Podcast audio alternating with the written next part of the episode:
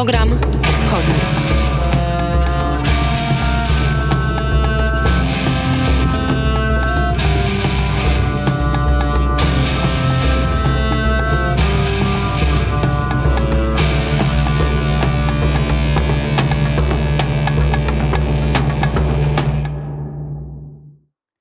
Program Wschodni z Kijowa. Wita się z Państwem Paweł Bobułowicz. W Warszawie audycję realizuje Michał Tęsny. Dzisiaj opowiemy o sytuacji na frontach na Ukrainie, o najnowszej polsko-ukraińskiej inicjatywie Funduszu imienia błogosławionego Klemensa Szeptyckiego, o rezultatach wizyty prezydenta Turcji i sekretarza generalnego ONZ w Ukrainie i będziemy towarzyszyć Wojtkowi Jankowskiemu w jego wyprawie, między innymi w delcie Dunaju, na chwilę może uciekając trochę od spraw wojennych. Połączymy się też z naszą wielką wyprawą, która już opuściła Wilno. Wyjął syreny nad Kijowem. Właśnie e, teraz wyjął te syreny nad Kijowem. 50 minut temu skończył się jeden alarm przeciwpowietrzny, te przeciwlotniczy. Teraz rozpoczął się kolejny. W ostatnich dniach te alarmy zdają się być zdecydowanie częstsze. Nad miastem Dniepr Ukraińcy zestrzelili dzisiaj cztery rosyjskie mm, rakiety. Ale dziś syreny alarmowe rozległy się także nad okupowanym Krymem a nad sztabem rosyjskiej floty czarnomorskiej w okupowanym Sewastopolu unosi się dym. Łączymy się z Dmytrem Antoniukiem. Dmytrze, czy te ostatnie wydarzenia mogą wskazywać, że Ukraina przeszła do ofensywy mm, na Krymie i południu Ukrainy? Jakie są najnowsze informacje z frontu?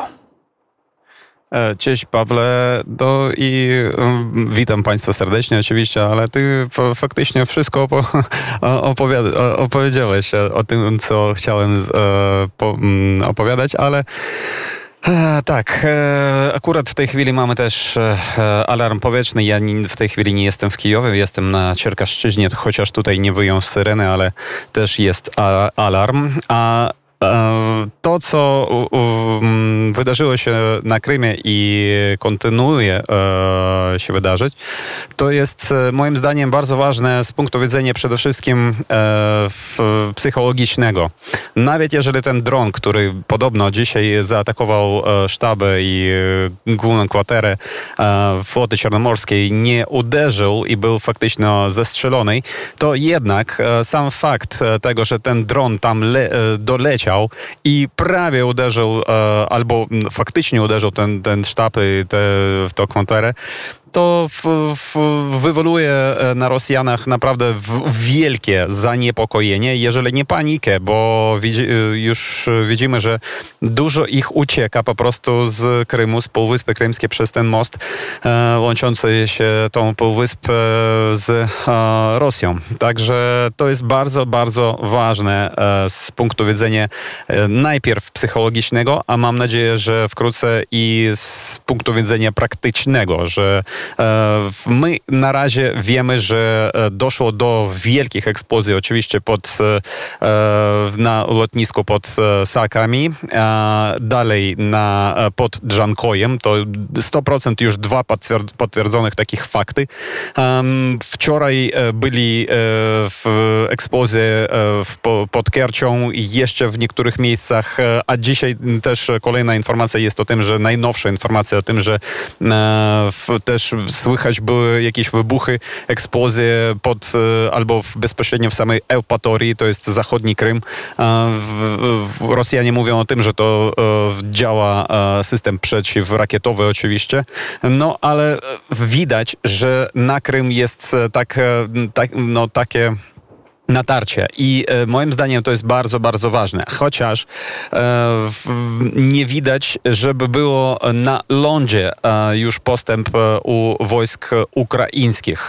I na przykład o tym też piszą niektóre wydania brytyjskie, również amerykańskie. Co ważne, wczoraj doszło do tego, że wczoraj opublikowane zostało pismo, list takich bardzo ważnych wojskowych amerykańskich, którzy powiedzieli administracji, list do administracji Bidena, którzy apelowali do administracji jak najszybciej dawać wszystko, co, to, co tylko się da dla Ukrainy, dla jej wojska, bo jeżeli tego nie zrobić teraz, to ta inicjatywa mo może przejść do, do Putina i wtedy możemy po prostu utracić jeszcze niezdobytą przewagę i zwycięstwo. Może tylko uzupełnię, że e, w, w rejonie e, Sak, e, czyli we wsi Mołoczne, tam gdzie było słychać eksplozji, doszło do eksplozji, tam znajduje się bodajże największy w Europie w, w radar, który, który obserwuje też przestrzeń kosmiczną. To potężny ośrodek lotów kosmicznych, który powstał jeszcze w czasach Gagarina i dzisiaj jest wykorzystywany militarnie przez Federację Rosyjską w czasach pokoju. Miało znaczenie przede wszystkim naukowe mm, i to Mołoczne jest też ważnym e, elementem tej infrastruktury lotniczej rosyjskiej, więc jeżeli tam dotarły ukraińskie pociski albo ukraińskie e, drony, to rzeczywiście świadczy o takiej głębokiej e, zdolności przebicia się ukraińskich sił w, w, na tyły e, praktycznie rosyjskiej, rosyjskiej armii. Ale tak jak wspomniałeś, nie wszystkie informacje są na tyle optymistyczne. W nocy doszło też do strzału Mikołajowa. Rosjanie użyli rakiet S-300. To rakiety, które normalnie są rakietami przeciwlotniczymi, ale Rosjanie Rosjanie używają je też do strzeliwania e, obiektów naziemnych i to obiektów cywilnych. I e, dodam, że oni ich używają dlatego też, e, że oni ich mają po prostu ogrom, dużo. I e, w, no, jak widzimy, to w, używanie tych rakiet dla nich jest skutecznym niestety. Dla nas, e, dla nich stety, dla nas niestety, bo w, w, po prostu uderzają w nasze miasta i wśród tych miast jest e, nieszczęsny Mikołajów, a również też Charków, do, w, którym dzisiaj w nocy też doszło do ostrzału tego miasta i nie było chyba żadnego, prawie żadnego dnia, żeby Charków na przykład nie był ostrzeliwany od 24 lutego. za kilka dni to będzie pół roku po prostu. Pół roku codziennych ostrzeliwań te, tego miasta. To jest nie, no, niewyobrażalne po prostu. I dla, szczególnie dla tych cywilów, którzy tam mieszkają. I no, ciężka sytuacja, można tak powiedzieć. I my naprawdę potrzebujemy e, dużo dużo ciężkiego sprzętu, dużo amunicji, dlatego żeby e, przełamać e, nareszcie przebieg tej wojny. Bo też, jak donoszą niektóre eksper eksperci wojskowi, Ukraina teraz w tej chwili ma wystarczająco piechoty na przykład, wystarczająco żołnierzy, wystarczająco oficerów, ale nie E, starci e, te, czołgów na przykład, nie, sta, nie, nie starcia e, samolotów, śmigłowców, też szczególnie też Hajmarsów być może i różnych system, systemów artyleryjskich, żeby przełamać nareszcie ten przebieg tej wojny, bo na prawym brzegu teraz, na tym przyciółku, tam gdzie znajduje się, na prawym brzegu Dniepru, tam gdzie znajduje się Hersoń, według różnych ocen znajduje się od od 12 do 20 tysięcy sił wroga. E, w obwodzie czerkaskim, gdzie dzisiaj Dmytro, trwa alarm przeciwlotniczy. E, w Kijowie trwa alarm przeciwlotniczy. Zapewne Dmytro, tak samo jak i ja, jednym uchem e, łapiemy te dźwięki z ulic i nasłuchujemy, czy nie daj Boże nie spadną gdzieś w pobliżu rakiety. Powiedziałeś, Dmytrze, o tym 24 sierpnia, pół roku rosyjskiego ataku. 24 sierpnia to oczywiście Ukraiński Dzień Niepodległości. Wyraźnie widzimy, że w Kijowie wzrosła intensywność tych alarmów. Jak Ukraina ocenia czy data 24 sierpnia może być datą, którą e, będzie chciał dodatkowo wykorzystać e, Putin e, i być może wykorzysta te siły rakietowe, które zgromadził na Białorusi. My myślimy, że jak najbardziej to może być i na przykład dlatego e, czas e, e, pracy e, kijowskiego metra, metra na przykład został e, zmieniony. E, zwykłe metro działało od 6 rano do 22, a teraz na jedną godzinę krótsze, do 21. Także to wszystko zrobione dlatego, żeby ludzie pozostawali jak mogę więcej w domu albo w ogóle jeszcze lepiej gdzieś w ukryciach, gdzieś e, w podziemiach, zabezpieczonych e, wszystkim potrzebnym, żeby tam po prostu przeciekać, e, w, w, zaciekać na te alarmy i wiarygodny ewentualny ostrzał. My podchodzimy do tego bardzo, bardzo serio. Chociaż oczywiście częstotliwość alarmu powoduje, że człowiek pomału się do tego przyzwyczaja, o ile można się przyzwyczaić. Dmytro Antoniuk z obwodu czerkaskiego.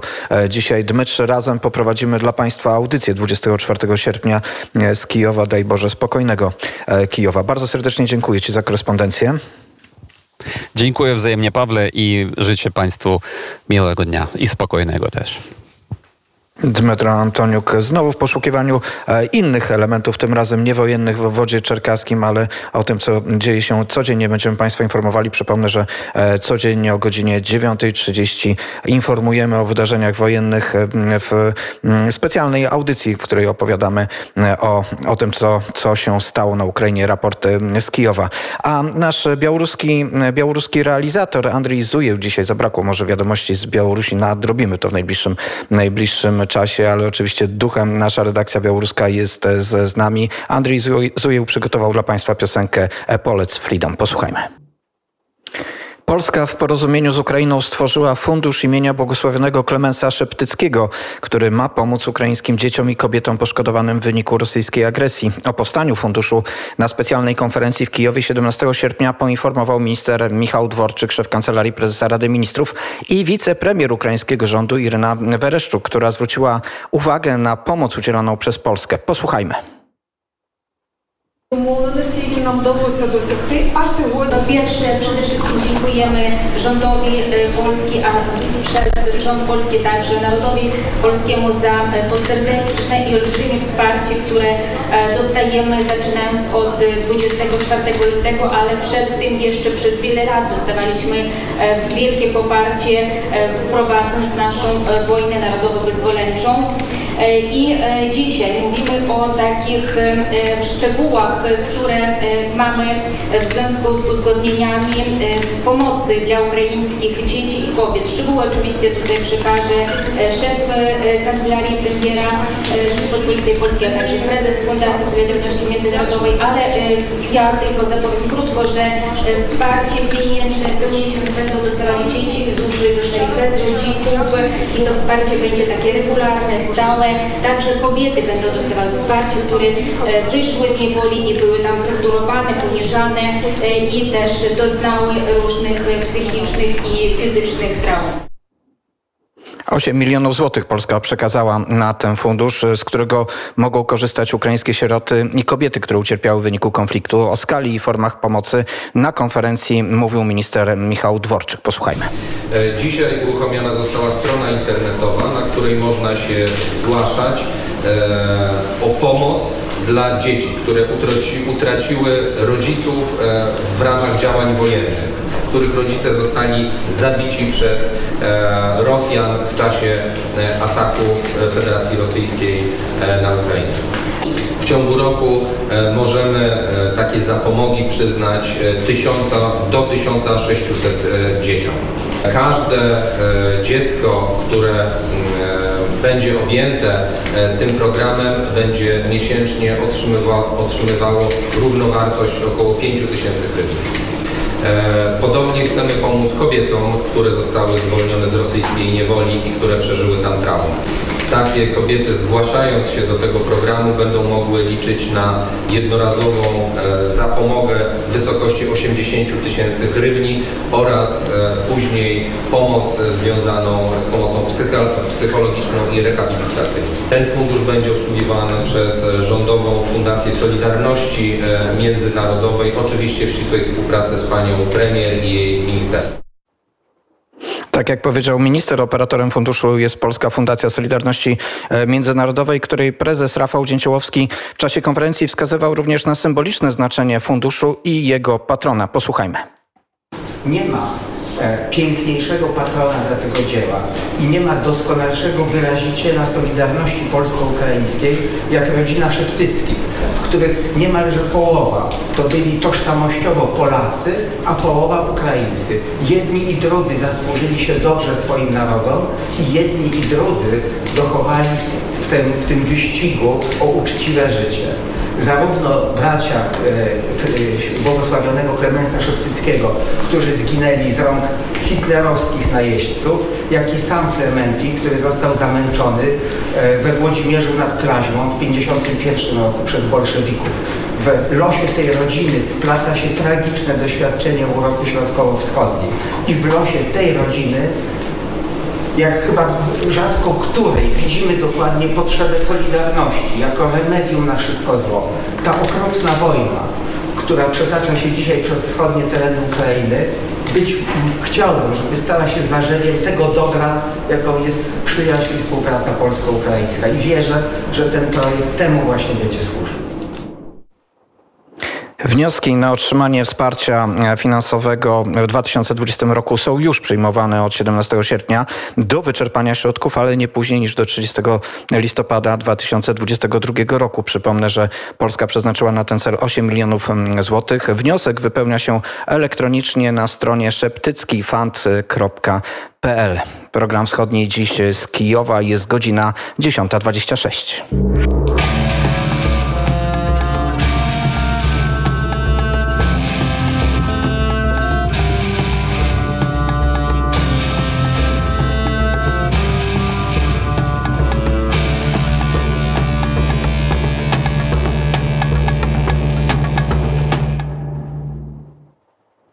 Do Ukrainy w tym tygodniu przybył sekretarz generalny ONZ Antonio Guterres i prezydent Turcji Recep Tayyip Erdogan. Wizytę bezpośrednio obserwowali w Lwowie Wojciech Jankowski i Artur Żak. Artur jest już z nami. Dzień dobry Arturze. Dzień dobry Pawle, kłaniam się nisko z Lwowa. Arturze, jak sytuacja w Lwowie? Spokojnie, czy też e, macie w tym momencie alarm przeciwlotniczy? Nie, w Lwowie jest spokojnie, jest piękna, letnia jeszcze pogoda. Co prawda anonsują e, upał na dzisiaj, ale jest naprawdę spokojnie i bardzo, bardzo miło. Alarm mieliśmy w nocy, niedługi, dwudziestoparominutowy. a Obserwując właśnie mapkę, to alarmy powietrzne są w centralnej Ukrainie. Dokładnie 8 obwodów Ukrainy jest objętych alarmem e, powietrznym. Jak też sprawdzam, to obwód ługański na, na terenie obwodu ługańskiego alarm powietrzny trwa od 137 dni. Alarmy nie rozległy się w czasie wizyty Guterresza i Erdogana w Lwowie. Rozmawialiśmy o tym już na antenie Radia Wnet, że może dobrze by było, żeby panowie przywódcy, liderzy światowi e, pojawili się w miejscach, gdzie nie jest, e, gdzie sytuacja jest trochę może bardziej skomplikowana, ale jednak wizyta w, odbyła się w Lwowie, co spowodowało, że wy mogliście bezpośrednio e, oglądać, obserwować e, spotkanie e, Erdogana i Guterresza, też spotkanie z prezydentem Wołodymyrem Wołodymyrem Zełęskim e, odbyło się w Lwowie, jak przebiegała ta wizyta, jak dalej przebiegał, przecież Guterres jeszcze nie, nie zakończył z tego, e, co wiem, jakie są rezultaty i komentarze. Ukraina cienuje. вашу присутність тут на нашій землі, цінує ваші зусилля для відновлення Ukraina docenia waszą правопорядку, obecność tu, який був na naszej зруйнований ziemi. незаконно російською Docenia wasze військовою starania w sprawie odnowienia międzynarodowego porządku prawnego, który był zrujnowany nielegalną wojną Rosji przeciwko naszemu państwu i rosyjskim terrorem, który trwa już 176 dni. Працювали і Chcę zaznaczyć посилювали symbolikę фундамент tego, że spotykamy się tu w Lwowie. Tu pracowali i wzmacniali fundament międzynarodowego porządku prawnego takie osobistości jak Rafał Lemkin. Między innymi to on wypracował termin ludobójstwo. I wprowadził ten termin do praktyki międzynarodowej. Z Lwowem jest także związane imię Hersza Lauterpachta.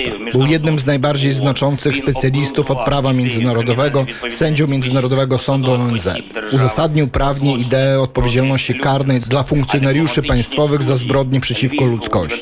Studia dyplomatyczne, które rozpoczęły swoją działalność na Lwowskim Uniwersytecie uniwersytecie w 1930 roku były pierwszą w Europie centralno-wschodniej profesjonalną szkołą dyplomacji, z akcentem na współpracę ze Wschodem i studiowaniu języka tureckiego. Więc nasze negocjacje tu były prowadzone faktycznie na fundamencie wielkiej historii i mogą otworzyć szerokie perspektywy. Omówiliśmy inicjatywę zbożową, która była wypracowana naszymi wspólnymi staraniami. Szczegółowo omówiliśmy nuklearny szantaż Rosji związany z zaporowską elektrownią jądrową. Przydzieliliśmy dużą uwagę bardzo bolesnemu tematowi ochrony i zwolnienia naszych jeńców, których przetrzymuje Rosja. Zwróciłem się do pana sekretarza generalnego ONZ, aby użyć wszystkich możliwych środków i aktywizować niezbędne mechanizmy ONZ, aby wrócić naszych ludzi do domu. Omówiliśmy także stworzenie specjalnego trybunału co do zbrodni agresji Rosji przeciwko Ukrainie. Jestem przekonany, że bez tych instrumentów nie da się odnowić po tej wojnie międzynarodowy porządek Jestem wdzięczny za te rozmowy, jestem wdzięczny za wsparcie, jestem wdzięczny dla Lwowa, że spotkał nas taką uwagą i ciepłem. Jest mi bardzo przyjemnie. I na koniec. Dzisiaj pan prezydent Erdogan powiedział, że ta inicjatywa spożywcza daje możliwości, daje okno dyplomatyczne co do umowy, aby w przyszłości zakończyć wojnę pomiędzy Ukrainą i Rosją. Powiedziałem swoje zdanie prezydentowi Turcji, że nie ma zaufania dla Federacji Rosyjskiej. Uważam, że w tym oknie jest rosyjska broń. Dlatego jestem bardzo zdziwiony, że oni są gotowi na jakiś pokój. Nie mogą ludzie, którzy codziennie zabijają, gwałcą i uderzają kierowanymi rakietami po pokojowych miastach, po cywilnej infrastrukturze, nie mogą chcieć pokoju. Więc uważam, że na początek to oni powinni zwolnić nasze terytorium, a później, a później będzie później. Мені здається, вони повинні звільнити наші території, а потім, потім буде потім. Trochę szybciej niż planowaliśmy. Prezydent Wołodymyr Załański e, opowiedział e, o tym wszystkim. To dźwięk z Lwowa, który przygotował e, Artur Żak. Arturze, jak wyglądało to wystąpienie prezydenta? I słyszę, że macie alarm u siebie.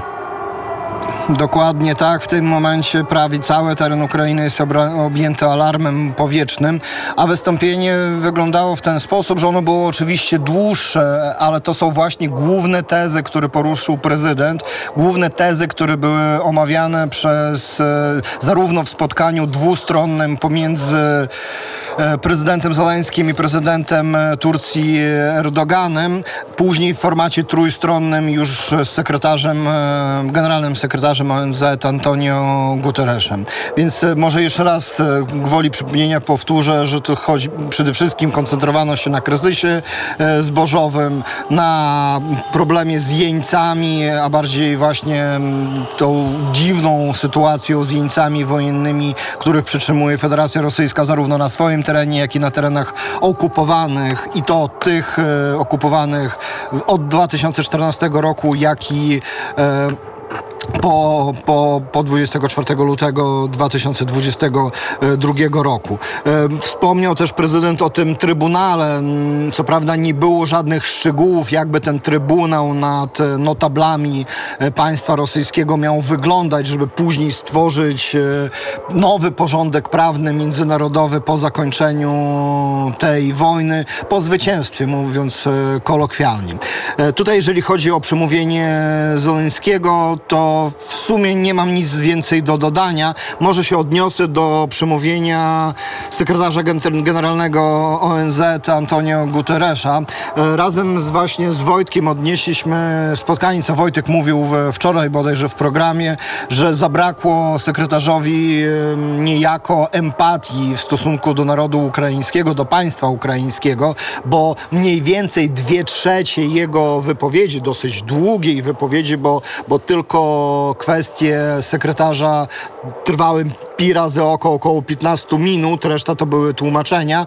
E, on krążył wokół, wokół kryzysu właśnie zbożowego i tego, w jaki doskonały sposób ten kryzys został przez nich właśnie rozwiązany, czyli przez trzy strony, przez Organizację Narodów Zjednoczonych, przez Ukrainę, przez e, Turcję jako tego patrona, że tak e, określę rolę Erdogana, jak i e, Federację Rosyjską. Zaznaczał regularnie mm, to, zboże, świat potrzebuje ukraińskiego zboża, ale bardzo potrzebuje też rosyjskich nawozów e, sztucznych. E, I odnosił się cały czas, że jeżeli byli w stanie się umówić, e, dojść do tej dżentelmeńskiej umowy zbożowej, to, to jest dobra, dobry podkład do rozpoczęcia e, rozmów e, pokojowych o zawieszeniu e, broni.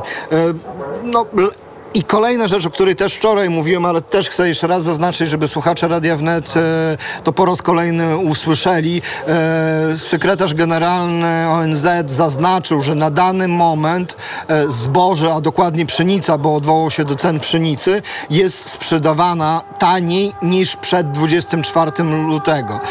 Więc na daną chwilę rolnicy ukraińscy sprzedają taniej niż sprzedawali przed pełnowymiarowym wtargnięciem, pomimo tego, że co najmniej 50% tego, co mieli w silosach zgromadzone, zostało stracone, bądź skradzione, bądź e, zniszczone. E, areały uprawne też zostały zdecydowanie ograniczone, bo nawet jeżeli to są tereny, na których nie ma rosyjskiego wojska, nie ma rosyjskich e, żołdaków i ta, i ta ziemia nie została e, ukradziona Ukrainie, ukraińskim rolnikom, to praca na, na niektórych terenach jest bardzo niebezpieczna. Pomimo to ukraińscy rolnicy wyjeżdżają e, kombajnami. Często możemy obserwować takie kuriozalne widoki, gdzie, gdzie ogląda się filmiki bądź zdjęcia, gdzie tu po jednej stronie płoną e, zboża, bo zostały właśnie te tereny ostrzelane, a obok jedzie kombajn i, i, i spokojnie, no, przynajmniej z naszej perspektywy, zbiera, zbiera zboże, czy też e, inne, in, inny, inny plon i inne. I i dlatego, tak jak mówię, mam e, lekki dysonans e, poznawczy po, po, po tym spotkaniu. E, Nie tylko spowodowany przemówieniami, także mm, nawiążę do tego, co mówił Wojtek wczoraj w kwestii organizacji. O ile organizacja pod względem bezpieczeństwa, zorganizowania dziennikarzy, e, punktu zbiórki, przejścia do punktu zbiórki, ilości funkcjonariuszy i, i no, nazwijmy to obsługi była no, w sposób doskonały, jak przy warunkach wojennych i tak dużej e, frekwencji dziennikarzy, o tyle miejsce, co prawda piękne, e, było zbyt małe na taką ilość dziennikarzy. W sali zgromadzono ponad 200 osób. E, mniej więcej po 10 minutach skończył się e, tlen. Artur e, Żak, myślę, że ta korespondencja to przejdzie do historii korespondencji radiowych, bo cały czas w tle było słychać e, alarm, gdy Artur jednak e, spokojnie opowiadał o wi- wizycie sekretarza generalnego ONZ Guterresza i prezydenta Turcji, w czasie których nie było słychać alarmu. Arturze, bardzo serdecznie Ci dziękuję. Mam nadzieję, że jednak jesteście bezpieczni, bo wiem, że jesteście z Wojtkiem Jankowskim i że możemy kontynuować naszą audycję i kolejną część tej audycji upewni mnie w tym, że pozostajecie w tym miejscu, gdzie jesteście i że e, jest tam e, przynajmniej w miarę bezpiecznie. Tak, pozostajemy w tym samym miejscu. Tu jest w miarę bezpiecznie. Jest e, to stara kamienica obok e, willi Zaświecie, obok lwowskiej Cytadeli, więc jak najbardziej mamy miejsce, gdzie się schować, bo piwnice są bezpieczne. Godzina, e, 30, godzina 10.38, program wschodni e, z Lwowa i z Kijowa.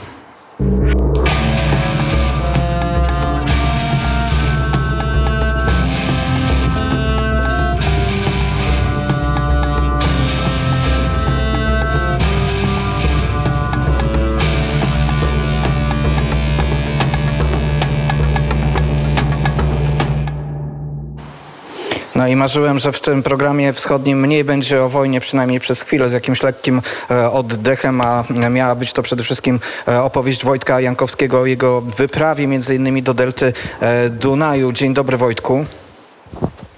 Dzień dobry, witam Pawle, ciebie serdecznie i witam oczywiście słuchaczy Radia Wnet. I już wiem, że niestety nie może być to tylko taka lekka, mm, lekka opowieść, bo wiem, że e, macie ten moment, kiedy jest alarm e, przeciwlotniczy i zapewne wpływa to na nastrój i na tę opowieść, ale postaraj się opowiedzieć nam, gdzie byłeś, co robiłeś e, i co zobaczyłeś.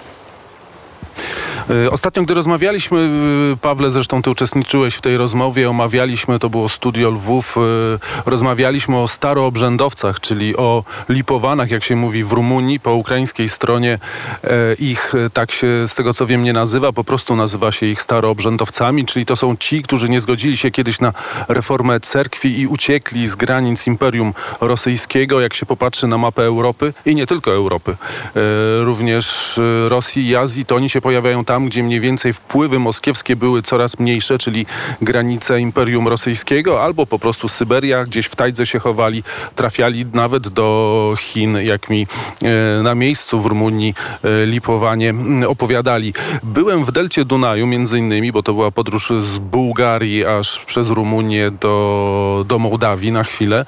Byłem w delcie Dunaju, to jest jedno z moich ulubionych miejsc w Europie, dlatego że to jest obecnie Rumunia od 1872 roku, to nawet już dość długo, czyli od y, traktatu berlińskiego, zjednoczona kilka lat wcześniej, czy kilkanaście lat wcześniej Rumunia dostała poniekąd taki prezent, Dobrudżę Północną razem z deltą Dunaju, a delta Dunaja jest Dunaju jest o tyle ciekawym regionem. Część oczywiście należy do Ukrainy yy, i ty tam byłeś, byłeś w Wilkowie na przykład, że tam mieszka ludność słowiańska, która właśnie uciekała z terenów Imperium Rosyjskiego, czyli mieszkają potomkowie rosyjskich staroobrzędowców, mieszkają również yy, potomkowie kozaków zadunajskich. Tam w roku 1775, gdy Katarzyna II przenosiła nową sicz na, na Kubań, bo tam chciała, żeby kozacy byli. Ci potomkowie zaporowskich kozaku, kozaków, część nie zgodziła się i uciekła również poza granicę Imperium Rosyjskiego do Dobrudży na tereny podległe Imperium Osmańskiemu i tam, tam się osiedlili, tam złożyli nawet przysięgę sułtanowi i, i przez jakiś czas chyba wiernie mu służyli, ale w roku 1828 roku przeszli na stronę rosyjską w przeddzień w przeddzień kolejnej wojny rosyjsko-tureckiej. Dlaczego mówię o historii? Bo ona jak gdyby rzutuje na, na teraźniejszość. Tam w delcie Dunaju, które ma trzy ramiona, nadal mieszkają potomkowie Rosjan i, i Ukraińców. E, Byłem w jednej z takich wsi również, gdzie mieszkają e, Ukraińcy, byśmy powiedzieli, chociaż w spisie powszechnym nikt już e, prawie nikt nie deklaruje takiej narodowości, a język ukraiński powoli odchodzi z tego miejsca. Natomiast część ludzi pamięta, że mówiła po ukraińsku, starsze pokolenie mówi jeszcze po ukraińsku, część rozumie e, i tam e, też e, poznałem pewnego dżentelmena, widziałem reklamę w tej miejscowości Swyntu Georgę, czyli święty Jerzy, Katerles, jak mówią Ukraińcy. Zobaczyłem reklamę człowieka w stroju kozackim, który oprowadza raz w tygodniu, robi wycieczki po, po swojej wsi, po Swyntu Georgę. Podszedłem do niego, za, zaczepiłem, bo zobaczyłem go w, siedzącego po prostu w knajpie, czekał tam na swojego brata e, i wtedy przeprowadziłem z nim e, krótką rozmowę. Część tej rozmowy była już e, wyemitowana w, w radiu wnet, ale jeszcze kilka fragmentów zostało, więc jeżeli Pawle pozwolisz i czas też na to pozwala, to może posłuchajmy jeszcze fragmentu tej rozmowy w takim ciekawym dialekcie, który jeszcze się zachował w tej wsi prawie na końcu świata, bo bo Swyntu to jest miejsce, gdzie Dunaj, jedno z ramion Dunaju o tej samej nazwie, Swyntu Georgę, e, czyli Święty Jerzy po polsku, wpada do Dunaju. Posłuchajmy. Moje serce tam. Ja jak e, pierwszy raz, per, pierwszy raz jak, jak ujechał w Ukrainie, teraz 6 lat nazad, nie mógł, nie mógł, e, nie mógł przestąpić granic, bo serce plakało. Ale jak wyjechały w Ukrainę, czy jak powiertały się? як, як їхав в Україні. Як, е, як е, сказати, е, не можу, як не можу казати о, словами, що, що у мене в серці було. Ми українці, серце там. Е, Як е, е, батько мій мав е, слова, де пуп закопаний, там, е, там серце. І наш, наші, наші пуп там у, у Запоріжжі. А зараз я не чую, щоб люди говорили по-українськи. Тут всі майже по-румунськи говорять. Е, да, так було. Е, так було. Так був комунізм у нас, не, не бросав ми не, не, не говорили тоді по-українськи. Почали, е, мама моя почала, почала школу українцю тільки один год. Тоді е, русський, на, на русський язик, і тоді на румунський. І тільки румунський вчились. Я вже вчився тільки румунський. Не, не, не вчився. А то звідки знаєте мову? От так, от, от, от батьків, от старів. Ми говоримо, го- го- говоримо вдома. Знаєте, що говоримо вдома? А думаєте, що Росія це загроза і для України, і для Румунії? Да. І Щоб не була Україна, тепер е, воювали і румуни, воювали і пол, польські воювали. Бо русські не спинились. А так, що е, їх держить, держить Україна. Усі воювали би. І бу- була б воювала. А чи тут в Дельту приїжджають біженці з України, не знаєте?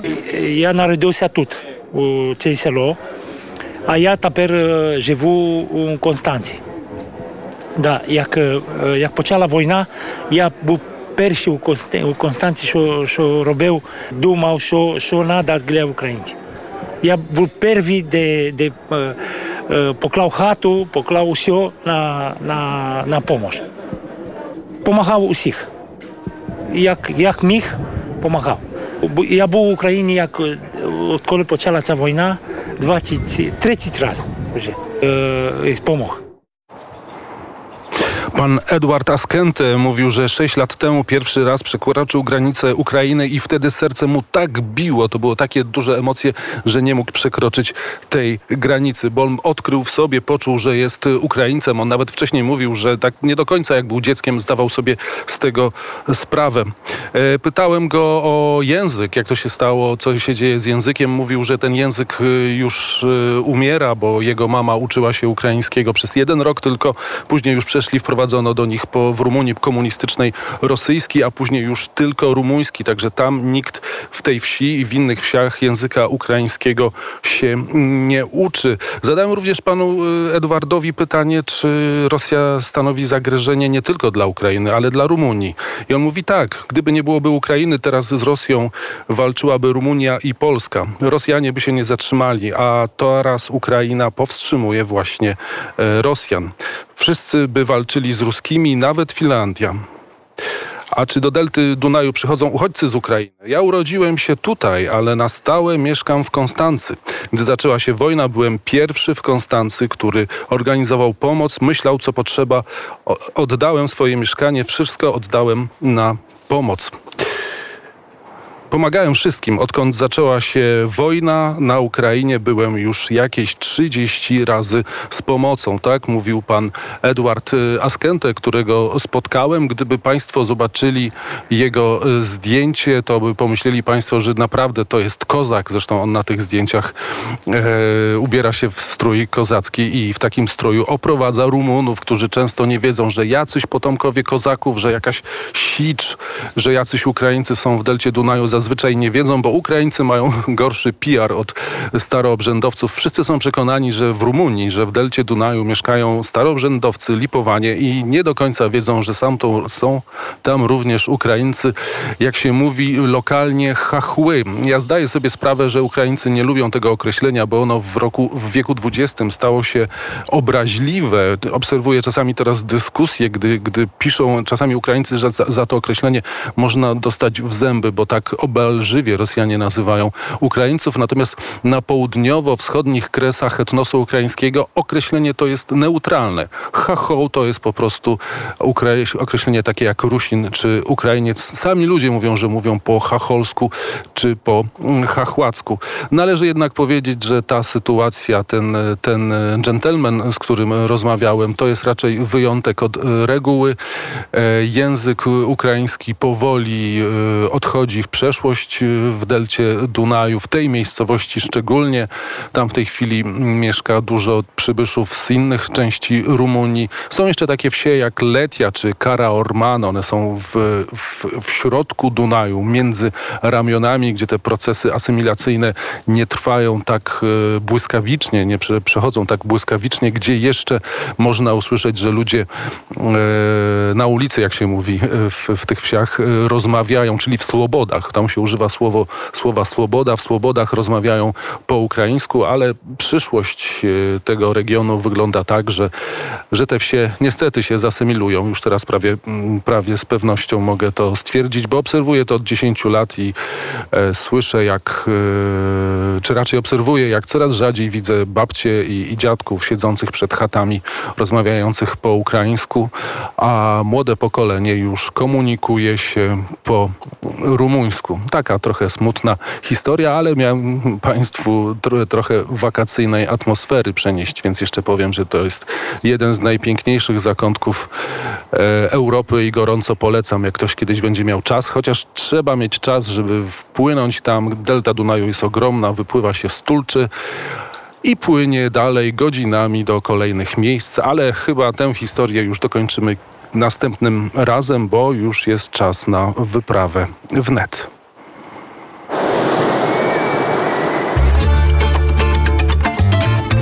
Wyprawa Trójmorze. Sponsorem wspierającym Wielkiej Wyprawy Trójmorze jest PKN Orlen. Wojtek Jankowski opowiedział o swojej mniejszej, ale też wielkiej wyprawie Deltą Dunaju. Przepiękne zdjęcia i filmy Wojtka Jankowskiego można zobaczyć w jego mediach społecznościowych, do czego Państwa e, zachęcam. A ten dżingiel oznacza, że rzeczywiście w programie wschodnim przenieśliśmy się do naszej e, wielkiej wyprawy, a wielka wyprawa już wyruszyła z Wilna, gdzieś jest e, w drodze, a my chyba połączyliśmy się co najmniej z dwoma przedstawicielami Radia Wnet w tej wielkiej wyprawie, czyli razem z nami jest Krzysztof Skowroński. Dzień dobry Krzysztofie. Dzień dobry Pawle. I Piotr Mateusz Bobołowicz. Dzień dobry Piotrze. Dzień dobry. Panowie jesteście razem Pawle, i to- nie razem. E, Tak, jesteśmy na tym samym parkingu, tylko w różnych, e, w różnych miejscach. Przed chwilą żeśmy dojechali e, do Kowna i właśnie patrzę na piękną rzekę i z Trójmorza zrobiły się dwie wielkie rzeki, albo trzy wielkie rzeki, bo ty jesteś w Kijowie.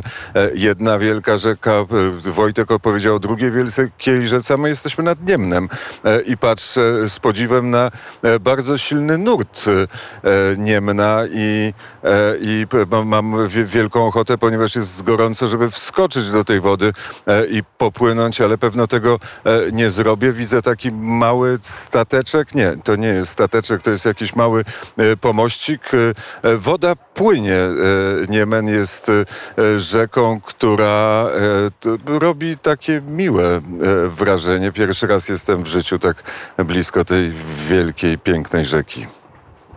To być może jest tytuł na następny nasz projekt, e, Krzysztofie, te trzy wielkie e, rzeki. Ale słyszę Piotra Mateusza Bobołowicza. Tak jest, dokładnie jesteśmy przy ujściu Wilii do Niemna. Jesteśmy, ja stoję pod zamkiem w Kownie, który jest właśnie na takim trójkącie e, zbudowanym przez te dwie rzeki.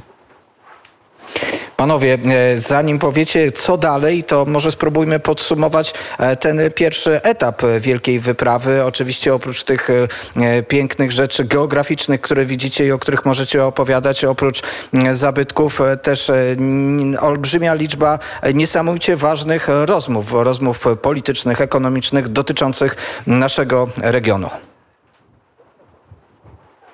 E, Tych e, Krzysztofie? rozmów rzeczywiście był, e, tych rozmów rzeczywiście było wiele. Myślę, że najważniejszą rozmowę w czasie tej, tego naszego pobytu w Wilnie przeprowadził Piotr Mateusz Bobołowicz. W związku z powyższym może Piotr byś za chwilę ją streścił. Ja rozmawiałem z wiceministrem spraw zagranicznych i powiem, że pytanie, które, na które o, o, o odpowiedź, której się domagałem, to jest jak wygląda relacja polsko-litewska w stosunku do e, Komisji Europejskiej? Jak wygląda wsparcie e, Litwinów od tej strony? Bo e, to, że wspólnie walczymy o to, żeby i staramy się, żeby Ukraina wygrała wojnę, to jest oczywiste, że wspólnie dbamy o bezpieczeństwo energetyczne, to jest oczywiste, ale jest ta trzecia część, czyli nasza relacja z zachodnim światem i powiem, że otrzymałem dyplomatyczną bardzo odpowiedź. To nie było jednoznaczne tak, tak albo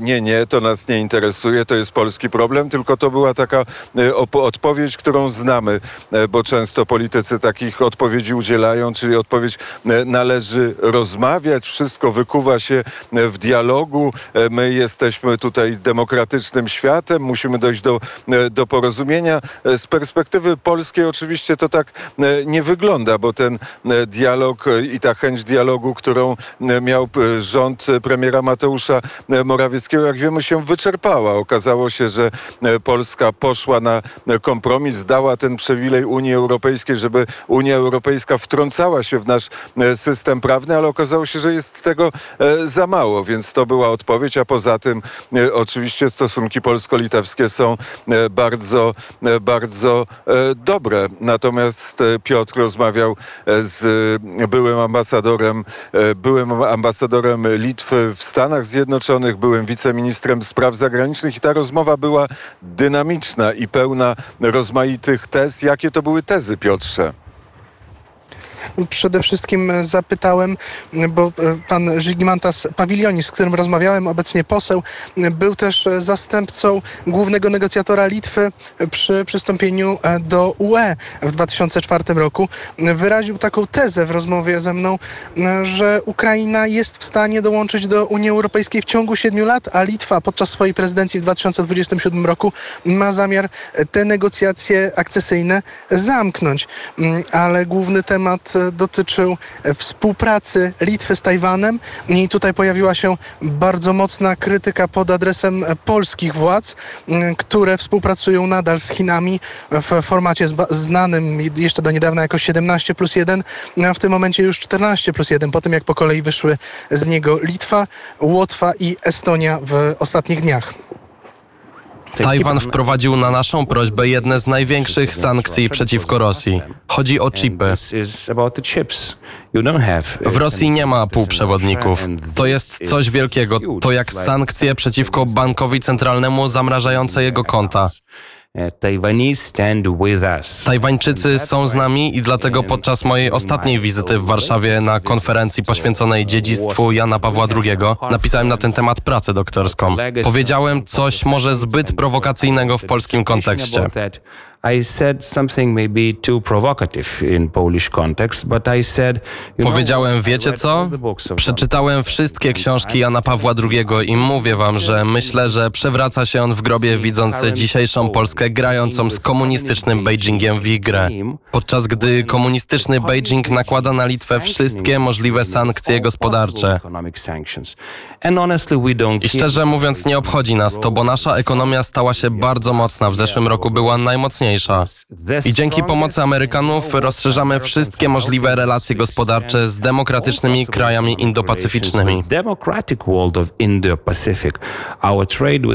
Nasza wymiana handlowa z Singapurem wzrosła o 200%, z Koreą Południową o 90%. South Korea 90%. We are getting first Przyjmujemy pierwsze inwestycje z Tajwanu i mamy nadzieję na osiągnięcie poziomu Czech, gdzie Tajwańczycy są jednym z największych twórców miejsc pracy i inwestorów. Więc moje pytanie do Polaków, narodu, który zniszczył komunistów. Dlaczego 30 lat później stoicie razem z najpotężniejszym, okropnym reżimem komunistycznym i nie pomagacie nam zabić tego pozostałego zniewalającego chińskiego formatu?